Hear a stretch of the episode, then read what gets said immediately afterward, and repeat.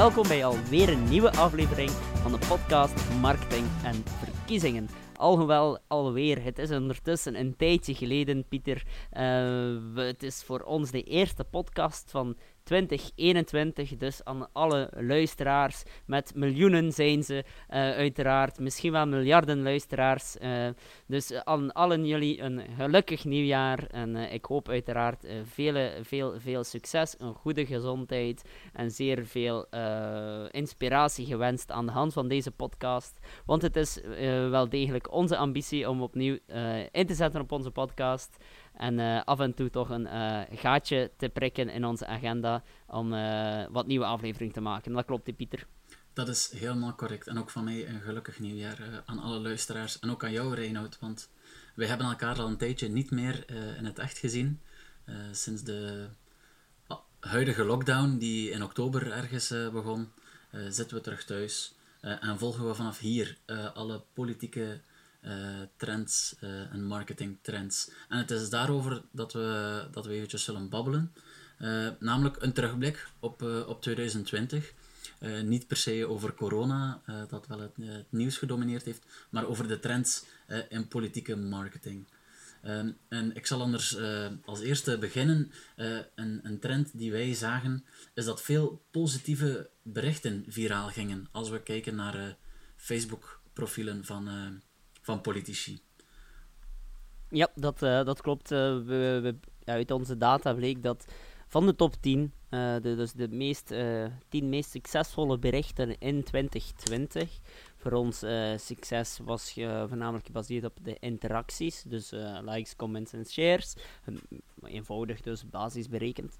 En ehm, daar bleek van de top 10 dat 70%, met andere woorden 7 van de 10, eigenlijk een positieve insteek hadden. dat ging over de geboorte van de eerste zoon. Het klopt, het was een zoon van Tom van Grieken. En um, gaande van de Jeruzalem Challenge tot een hondje die ijsjes vraagt of zoiets. Goed, de, de feel-good video's. Dus heel opvallend, wat toch een stukje indruist tegen het buikgevoel die we vaak hebben, dat sociale media heel negatief moet zijn. blijkt dat toch anders te zijn? Ja, inderdaad. alle challenges, uh, de hittegolf in de afgelopen zomer, het lokte ook veel uh, positieve content uit. Ehm, en dus, uh, van de virale Facebook-berichten is het niet allemaal kommer en kwel of, of allemaal haat of politieke aanvallen. Nee, ook een heleboel positiviteit.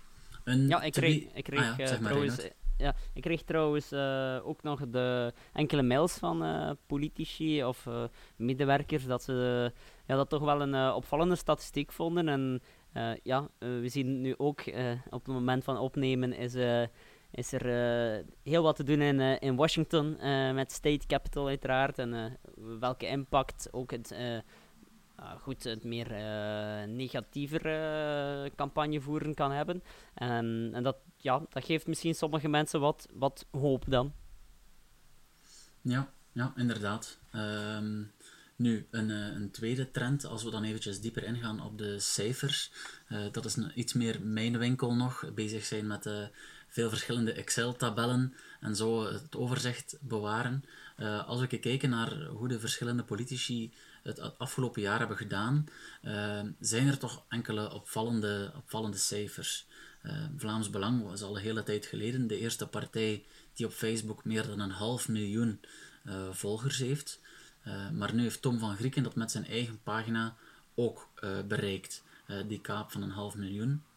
Nu, dat is te verklaren doordat ze daar natuurlijk zeer actief op zijn, ook zeer veel adverteren.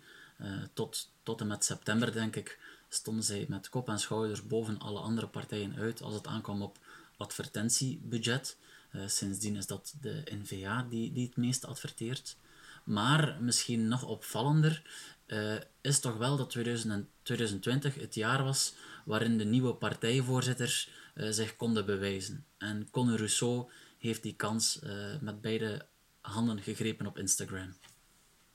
Ja, dat kan je wel zeggen. De, ondertussen, ik, ik weet nog in uh, 2018, uh, ja, als ik dan had over Instagram, wat toen nog iets minder belangrijk was dan vandaag. Uh, had ik het vaak over de koning, de Belgische koning van Instagram, was toen Elodie Roppo. Ik vond dat die, die toen zeer goed bezig was op Instagram. En ehm, de koning der Instagram Europees was toen de Franse president Emmanuel Macron. Maar als we nu kijken vandaag naar, naar ja, gewoon puur naar de data, het gaat ons niet over de inhoud of, of je nu de stijl of je fan bent of anti, of je het goed vindt of slecht vindt, dat is uiteraard aan de luisteraar te bepalen. Maar als we gewoon kijken naar de cijfers, dan, dan kunnen we niet anders dan vaststellen dat uh, ja, de voorzitter van SPA, of moeten we ondertussen vooruit zeggen, ja, met kop en schouders boven de andere steekt. Hij heeft de kaap van 100.000 volgers uh, bereikt. Zou kunnen ondertussen zeggen een echte influencer op Instagram. Uh, dus dat is een van de weinigen. Uiteindelijk ja, de enige vandaag. Ik denk dat nummer 2 Dries van Langenhoven is, met zo'n ongeveer 60.000 volgers. Ja, inderdaad. Het was, het was een, een tijd lang nipt. Uh, al moet ik zeggen dat ja, voor iemand die nog niet lang actief is in, in de nationale politiek, is, is Conor Rousseau zeer snel gestegen. Maar toch, een tijdje zat hij zowat in dezelfde zone met andere populaire politici. Ik denk aan een Theo Franken, Bart de Wever, Dries van Langenhoven, die op Instagram ook zeer populair is. Die zitten allemaal ergens goh, tussen de 40 en 50.000. Uh, Dries van Langenhoven ging dan ook richting de 60.000. Nu, Conor Rousseau is daar gestaag uh, voorbij gegroeid, uh, als ik het zo kan zeggen. Maar wat toch opvallend was, eh, en daar komen onze, onze datatools uh, goed van pas. als we dan eventjes dieper ingingen op de evolutie van het aantal volgers, dan zagen we een duidelijke knik. en die knik vond plaats, ik denk ergens na wapenstilstand halverwege november. Nu, het had daar niets mee te maken. Ehm, de knik uh, in de curve, waar, uh, dat, dat het aantal volgers zeer snel begon te stijgen, dat was na Conor Rousseau zijn deelname aan de slimste mens ter wereld. En zo uh, leek de cirkel misschien een beetje rond. Uh, een, vorige generatie of een iets oudere generatie politici uh, is ook groot geworden met de slimste mens ter wereld. Hè. Er wordt soms beweerd dat Bart de Wever op die manier heel veel aan zijn populariteit heeft kunnen timmeren. Wel, Conor Rousseau, een, een, nieuwe generatie politici misschien, die heeft op Instagram zijn volgers met, ik denk, 30.000 fans doen groeien in, in, een, in een paar weken tijd. Uh, is dat zuiver te wijten aan de slimste mens ter wereld? Misschien niet exact, maar het zal alleszins wel een katalysator zijn geweest voor, uh, voor die groei. Ja, het was een hele mooie knik. Hè. Het was ongeveer bij, bij start slimste mens en einde slimste mens, denk ik 25 of 30 procent gegroeid. En uiteraard, de pagina was al niet klein, dus, of het profiel was al niet klein, had al redelijk al volgers, dus dat is een ja, dus een uh, mooie benefit uh, van de deelname aan, aan de slimste mens. En dan nog een, een laatste feitje uh, om, om eigenlijk terug te blikken op het afgelopen jaar, als we het hebben over de Vlaamse politiek. Ja, dat is het gebruik van, in, van Facebook door NVA. die hebben duidelijk bijgezet, uh, extra middelen en, en, energie gestoken in hun Facebookpagina, want zij waren eigenlijk het afgelopen jaar de sterkste stijgers. Um, ze hebben 160, uh, 164.000 uh, meer volgers dan 31 eh, december 2019. Dat is een groei van 64%. Uh, dat is zeer veel. Daar, ze zijn daarmee de sterkste stijger. Ze zijn nog altijd niet de grootste natuurlijk, maar in absolute aantallen uh, hebben, zij het, meeste, zij zijn het meeste gegroeid dit jaar. Yes, dus uh, toont ook wel aan dat ja, de oppositierol duidelijk is opgenomen. En vertaalt zich ook in het sociale mediagebruik. En zoals je terecht zegt, Pieter, is een zeer opvallende groei. Um, ja, wat ze toch een, een, stukje, waarschijnlijk ook door hun, ja, hun moeilijke positie in het onderhandelen, wat hebben moeten inhouden. Omdat ze ja, waarschijnlijk niet via sociale media bruggen wilden verbranden in een moeilijke onderhandeling.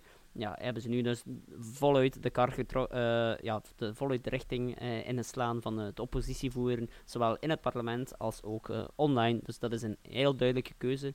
En ik denk drie, drie boeiende inzichten. Uiteraard hebben we nog veel meer inzichten over ja. 2020.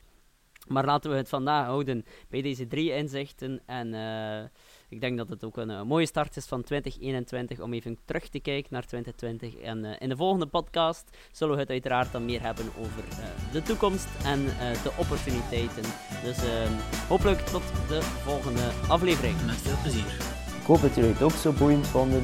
Als jullie nog meer informatie willen, neem dan dus zeker een kijkje op www.exposure.be.